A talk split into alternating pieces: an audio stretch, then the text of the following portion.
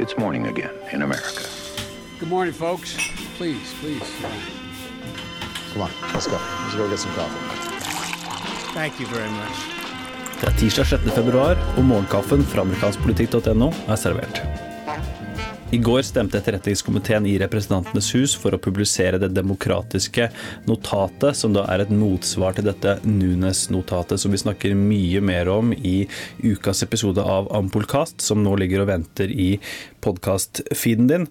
Etterretningskomiteen har da med andre ord sendt dette notatet videre til president Donald Trump, som nå har fem dager på seg til å gå gjennom eh, forespørselen om å publisere dette notatet, som da var skrevet av demokrater, i motsetning til Nunes-notatet.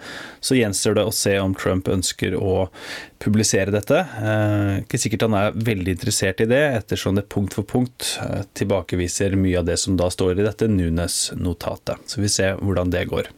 I går var president Donald Trump i Cincinnati i Ohio Eh, for bl.a. å snakke om sin eh, skattereform, eh, hvordan den påvirker den amerikanske økonomien. Men han holdt seg ikke helt til manus, kan vi si. Han begynte å snakke om State of the Union, og hvordan da mange demokrater ikke klappet når han snakka. Hvordan mange av de kun satt gjennom hele talen, slik republikanere tidligere har gjort under Barack Obamas State of the Union-taler. Det er jo et teater, noe veldig Eh, få er i tvil om. Eh, men Trump sa i alle fall at han ikke likte det i det hele tatt. Han brukte sterkere ord. Vi skal her høre et utdrag fra Trumps tale i går. They were like death. And un-American. Un-American. Somebody said treasonous. I mean, yeah, I guess why not? You know. Can we call that treason? Why not?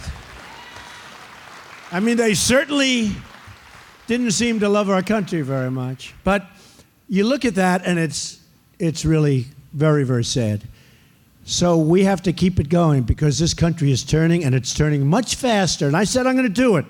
Det er eh, klassisk Trump. Komme med slike uttalelser.